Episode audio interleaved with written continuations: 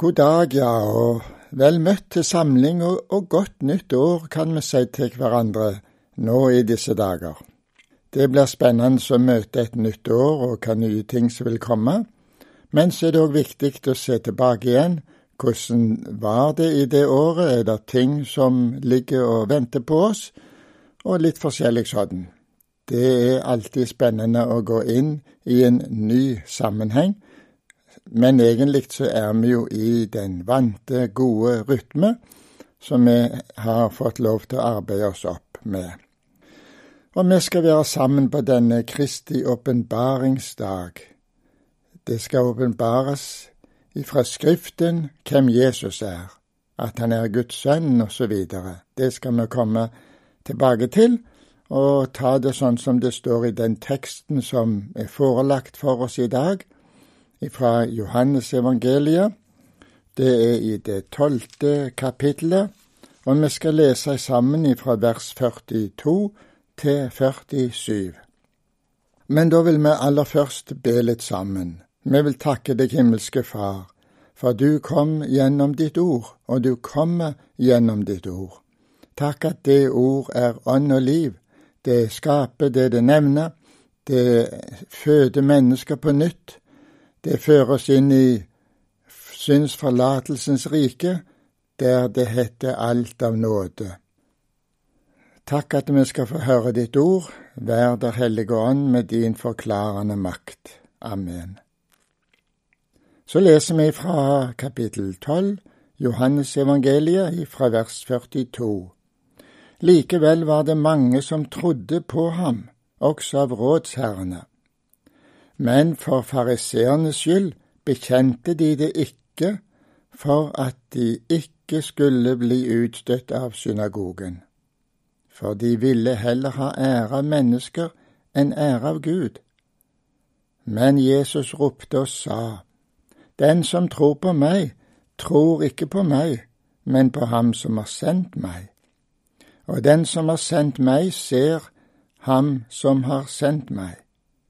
Jeg er kommet som et lys til verden, for at hver den som tror på meg, ikke skal bli i mørket. Om noen hører mine ord og ikke tar vare på dem, så dømmer ikke jeg ham, for jeg er ikke kommet for å dømme verden, men for å frelse verden. Ja, Jesus er i ferd med å begynne sin avskjedstale til disiplene. Det går imot høytiden, påske altså, da menneskesønnen skal bli herliggjort. Han skal plages, han skal bli slått i hæl, han skal henges opp på et kors. Det hadde Jesus snakket med disiplene om flere ganger. Og da klargjør han for disiplene at han om ikke lenge skal bli tatt fra deg noe han hadde forkynt, altså, til deg flere ganger. Men de hadde så vondt for å forstå det. Disiplene skal bare følge Jesus så lenge de har han her imellom seg på jord. Til disiplene sa han nå, mens de hadde han imellom seg, at de skulle vandre i lyset. Det var deres kallsoppgave som nyfødte frelste. Det nye livet ville òg gjerne at de skulle vandre i lyset. Faren er at mørket på nytt skulle komme og legge seg over folket. Mørket i denne sammenhengen er at eh, kjennskapen til Jesus som Gud og Guds sønn, at den ikke ble kjent lenger imellom dem. Da står en igjen med mørket. Den som vandrer i mørket, vet ikke hvor han går. Sånn sier Jesus. Og når kunnskapen om Jesus minker, så står venneflokken i fare for å være uten det åndelige lyset, det som de hadde i Jesus. Da kunne det vel gjerne hende at lysestaken blir flytta. Det skal vi tenke, det er et alvorsord. Det ord som er talt ved profeten Jesaja, det peker på menneskesønnen, på Guds sønn altså. Lever du uten å se hva ordet sier om livet og om dommen og om livet med Gud etter her på jord, og hva det er å være uten Gud, da vandrer du i mørket. Du vet ikke hvor du går hen. Du vet ikke at Jesus er veien og sannheten og livet. Da er du uten Gud og uten håp i verden. Da går du vill, og du kommer ikke til å nå målet i himmelen. Så peker profeten på enda et alvor. Den som står imot Guds kall, vil etter hvert bli hardere og stå i fare for å bli forherda. Og ikke ville bøye seg for Herren og følge ham, den blir forherdet. Det skjer når vi står Gud imot. Da skjer det som sies i Jesajas 53, det første vers. Det var for at dette ordet hos profeten Jesaja skulle bli oppfylt. Og så kommer dette ordet, hører vi, Herre, hvem trodde det budskap vi hørte? Og hvem ble Herrens arm åpenbart for? Det var profetisk tale 700 år før Kristus, og så taler han det så som om det skjedde og har skjedd hvem trodde det budskapet vi hørte?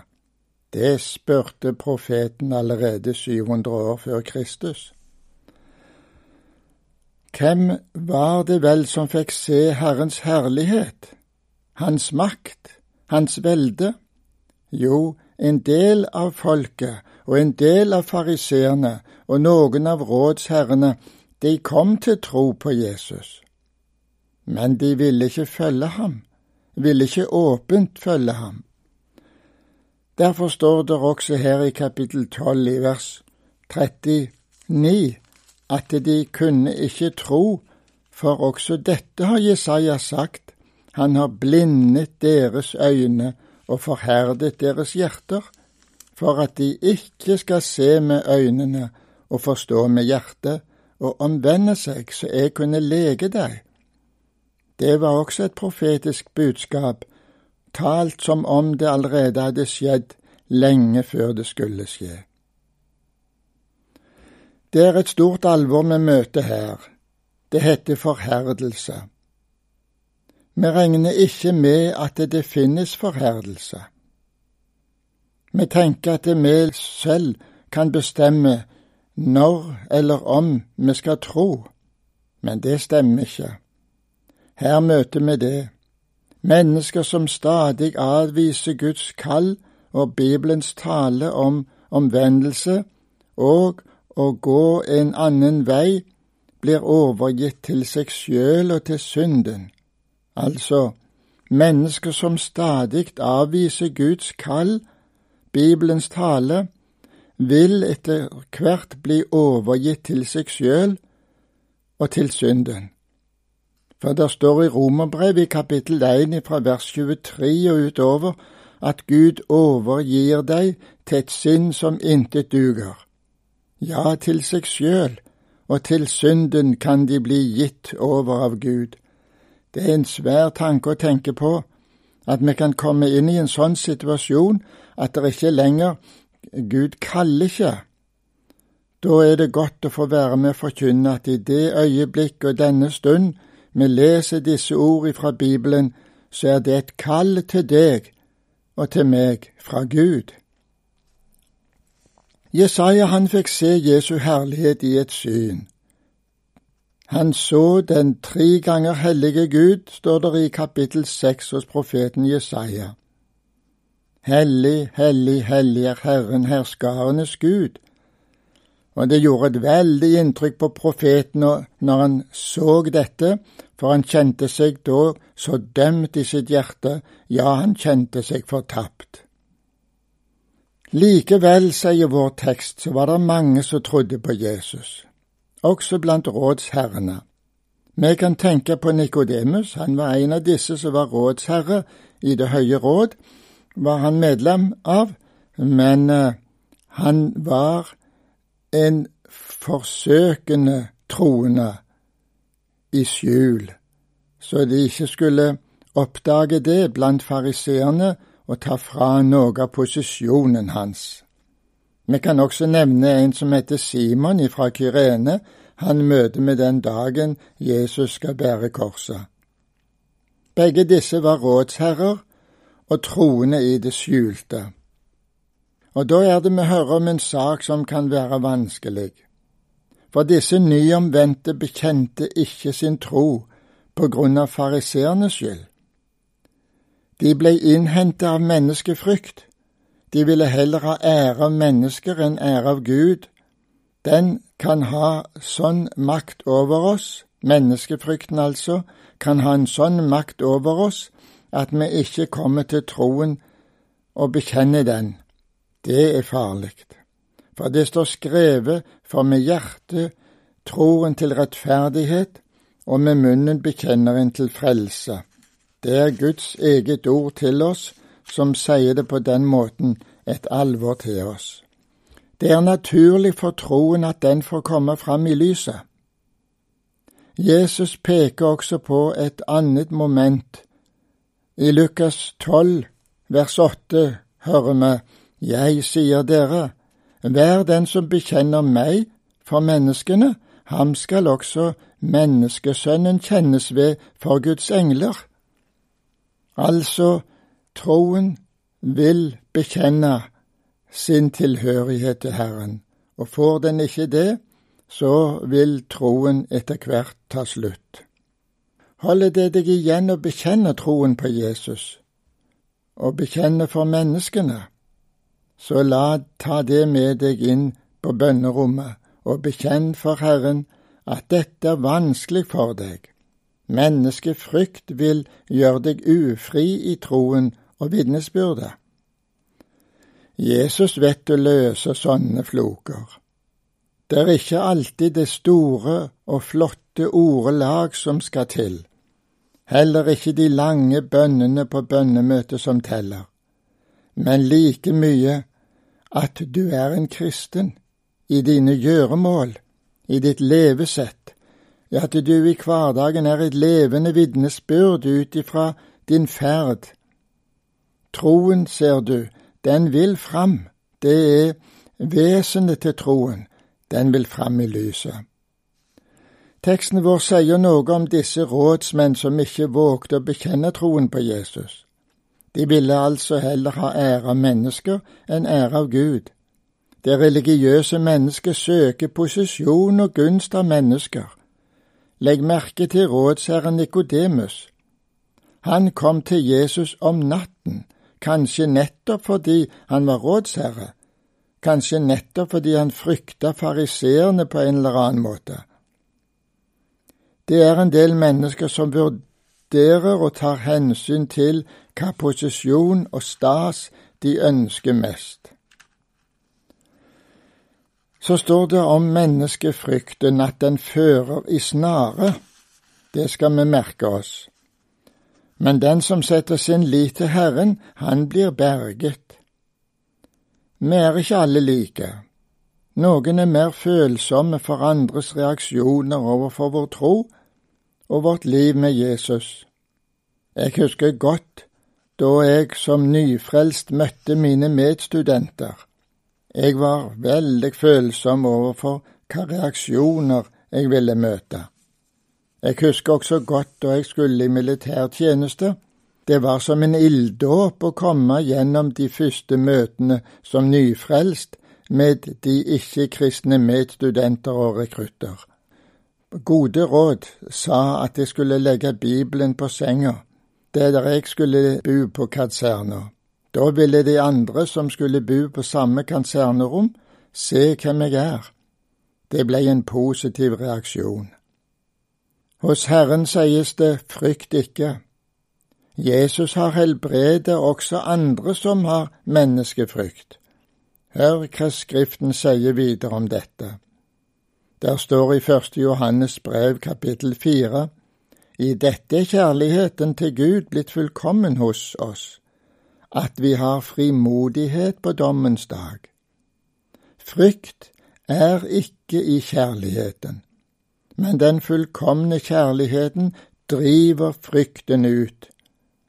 Jesus vet å drive frykten ut for mennesker. Disse ord skal vi ta til oss. Der står i grunnen så fint i Romerbrevet i kapittel fem og det femte vers. Guds kjærlighet er utøst i våre hjerter ved Den hellige ånd, som er oss gitt. Så når du og jeg fikk Den hellige ånd, vi kom til tro, vi fikk eh, ta imot Jesus, så fikk vi Den hellige ånd.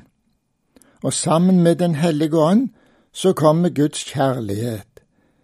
Det er ikke en vare som vi kan si om en pose, en sekk, at der er Guds kjærlighet, men det er noe som skapes i oss sammen med Guds ord vi hører. Guds kjærlighet er utøst i våre hjerter ved Den hellige ånd som er oss gitt. Herren vil være med den som søker ham. Han leder oss og gir oss erfaring i kristenlivet. Vi blir også prøvd for å tåle motgang. Her står i andre Korinterbrev i kapittel 10 vers 13 Dere har ikke møtt noen fristelse som mennesker ikke kan tåle, og Gud er trofast. Han skal ikke la dere bli fristet over evne, men gjør både fristelsen og utgangen på den slik at dere kan tåle det. I kapittelet vårt her i det tolvte i Johannes evangeliet fra vers 44 til 45 leser vi sånn Jesus ropte og sa, Den som tror på meg, tror ikke på meg, men på ham som har sendt meg. Og den som ser meg, ser ham som har sendt meg. Ja, det er et underlig ord, men Jesus vil si oss at Far i himmelen er den samme som han sjøl. Han roper det ut, hører vi. Det var et ord til alle som var samla. Det sies ikke noe om omstendighetene, men det er viktig å erkjenne at Jesus og Faderen er ett. I 1. Johanne, i Johannes evangeliet kapittel 10 vers 30, der sier han rett ut, Jeg og Faderen, vi er ett. Jeg og Faderen, vi er ett. Den som ser meg, ser ham som har sendt meg. Ja, der står en bak. Den som ser meg, ser ham, altså Far i himmelen, ham som har sendt meg.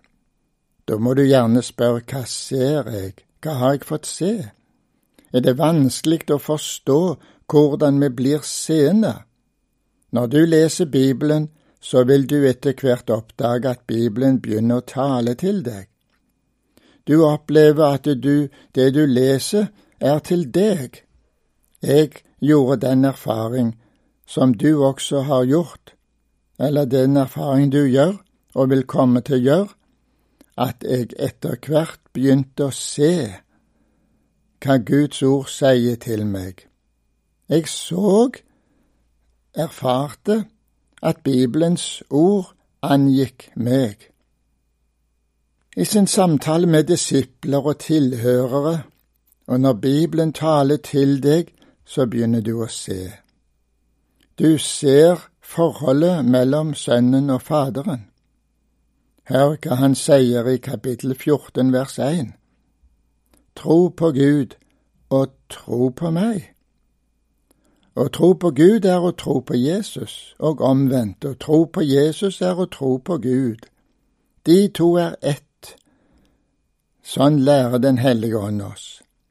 Enda en gang får vi høre fra Jesu munn om denne enhet. Hadde dere kjent meg, står det i vers 7 i kapittel 14. Hadde dere kjent meg, så hadde dere også kjent min far, og fra nå av kjenner dere ham og har sett ham. Alle de under og tegn som Jesus gjorde her på jord, ble gjort nettopp for å åpenbare for lyttere og for seere at Jesus er den personlige åpenbaring av Gud, er det en som har sagt. Det er Philip blant disippelflokken som spør om ikke Jesus kan vise han Faderen, for da er det nok. Jesus sier til han, kapittel 14 vers 10. Tror du ikke at jeg er i Faderen, og Faderen i meg? De ordene jeg taler til dere, taler jeg ikke av meg sjøl, men Faderen som blir i meg, han gjør sine gjerninger. Da skjer det underet at du er blitt en seende. Og her i vers 45 i vår tekst, den som ser meg, ser han som har sendt meg. Det er et under og en åpenbaring.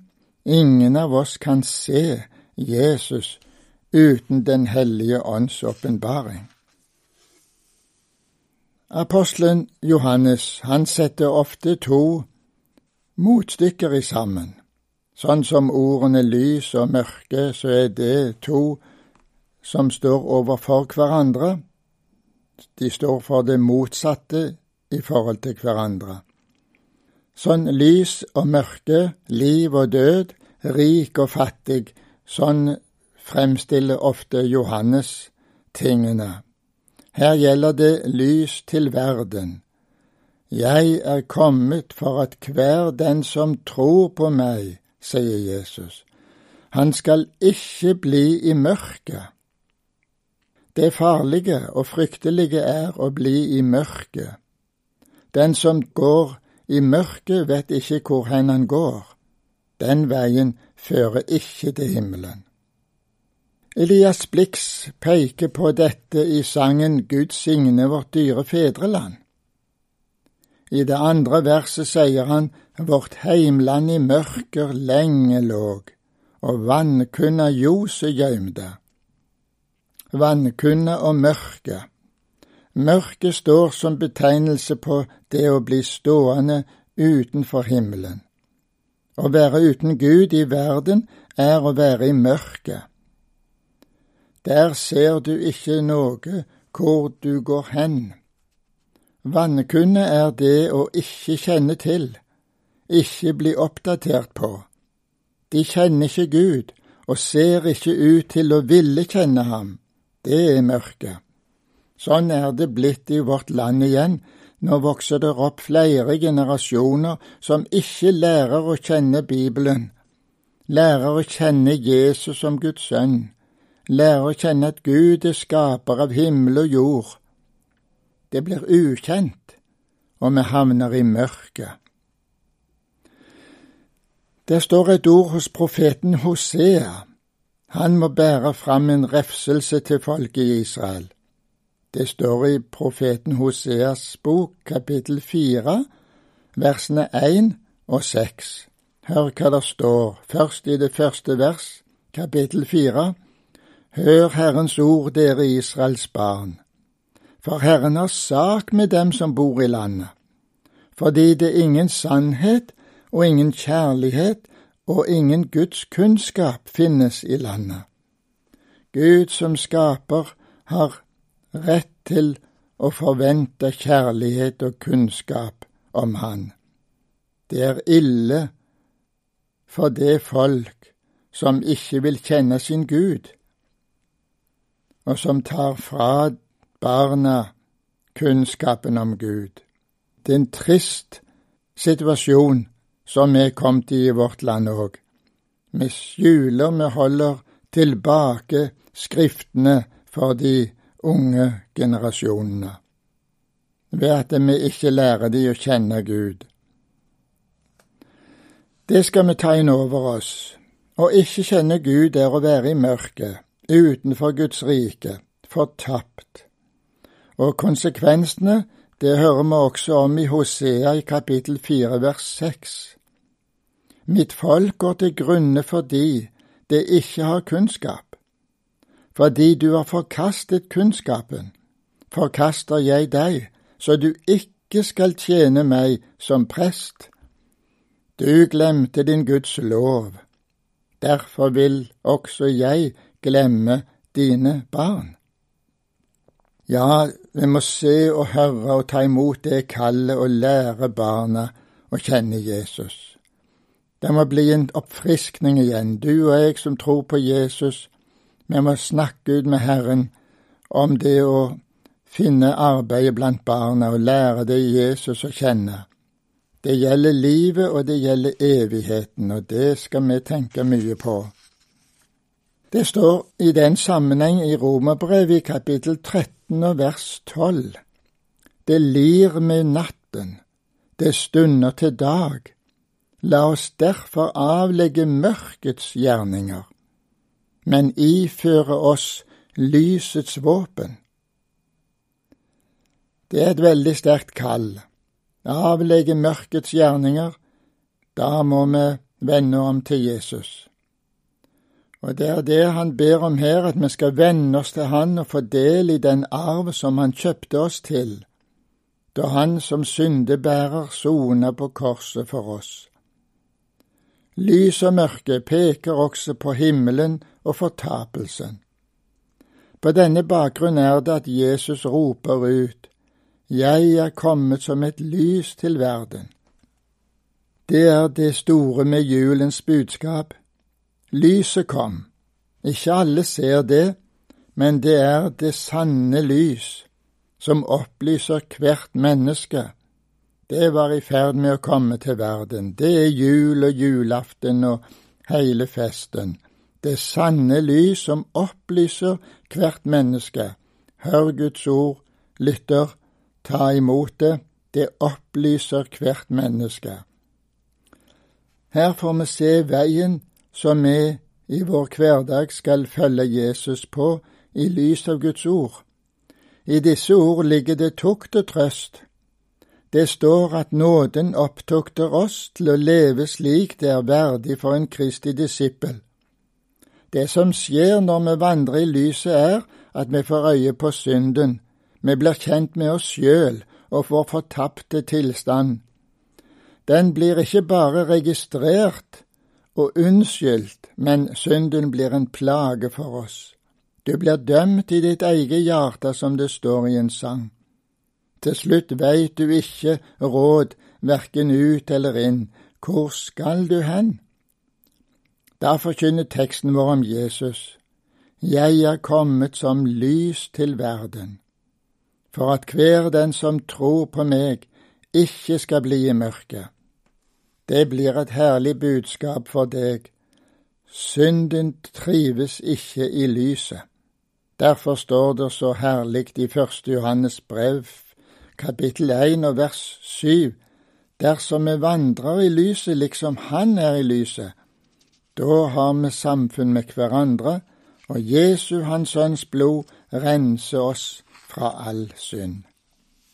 Det er ennå land og folk som lever i det åndelige mørket. Noen strever med å finne livet og lyset med mange slags religiøse gjerninger som de finner på. Men uten Jesus er de i mørket. De har ikke det lys som viser vei til Jesus Kristus. De går ikke til Bibelen. De søker ikke der hvor Jesus er å finne. Sjøl julefeiring med tusen julelys er ikke til hjelp dersom du ikke søker der hvor Herren er å finne. Dette sier profeten Jeremia i kapittel 29 og vers 11 og 12 noe om. For jeg vet de tanker jeg tenker om dere, sier Herren, det er fredstanker og ikke tanker til ulykke. Jeg vil gi dere fremtid og håp, og dere skal påkalle meg og gå av sted og be til meg, og jeg vil høre på dere. Dere skal søke meg, og dere skal finne meg, når dere søker meg av hele deres hjerte, sier Herren. Det må du gjerne slå opp i profeten Jeremia, kapittel 29, vers 11 og 12. Dette lys fikk du og jeg som tror på det navnet som er over alle andre navn. Det må forkynnes for hele verden. Til Josef, mannen til Maria, sa engelen, du skal gi ham navnet Jesus, for han skal frelse sitt folk fra deres synder. Jeg er kommet som et lys til verden, sa Jesus. Det går an å få lys over livet så du kan møte det ukjente og vanskelige vi opplever. Jesus føyer til i kapittel 12 vers 46 at hver den som tror på meg, ikke skal bli i mørket. Er du der som ikke makter å ta til deg dette budskap, så hør hva Herren sier her. Den som tror på ham, altså som tar imot Hans ord i Bibelen, skal ikke bli i mørket. Det går an å komme gjennom og ut av mørket. Hør det og ta imot det. Det blir din fornyelse denne dag, eller kanskje omvendelse, men hør dette ordet. Jeg er verdens lys. Den som følger meg, skal ikke vandre i mørket, men ha livets lys. Ja, det ordet det finner du i denne teksten vår i dag. Ta du imot det, det blir til frelse for deg om du tar imot det og hører det stadig vekk. La det ikke bli til forherdelse, at du skuer de fra deg enda en gang og ikke vil høre Herrens ord. Nå er det dagen, nå kan du komme. Jesus vil ta imot deg. I Jesu navn. Amen.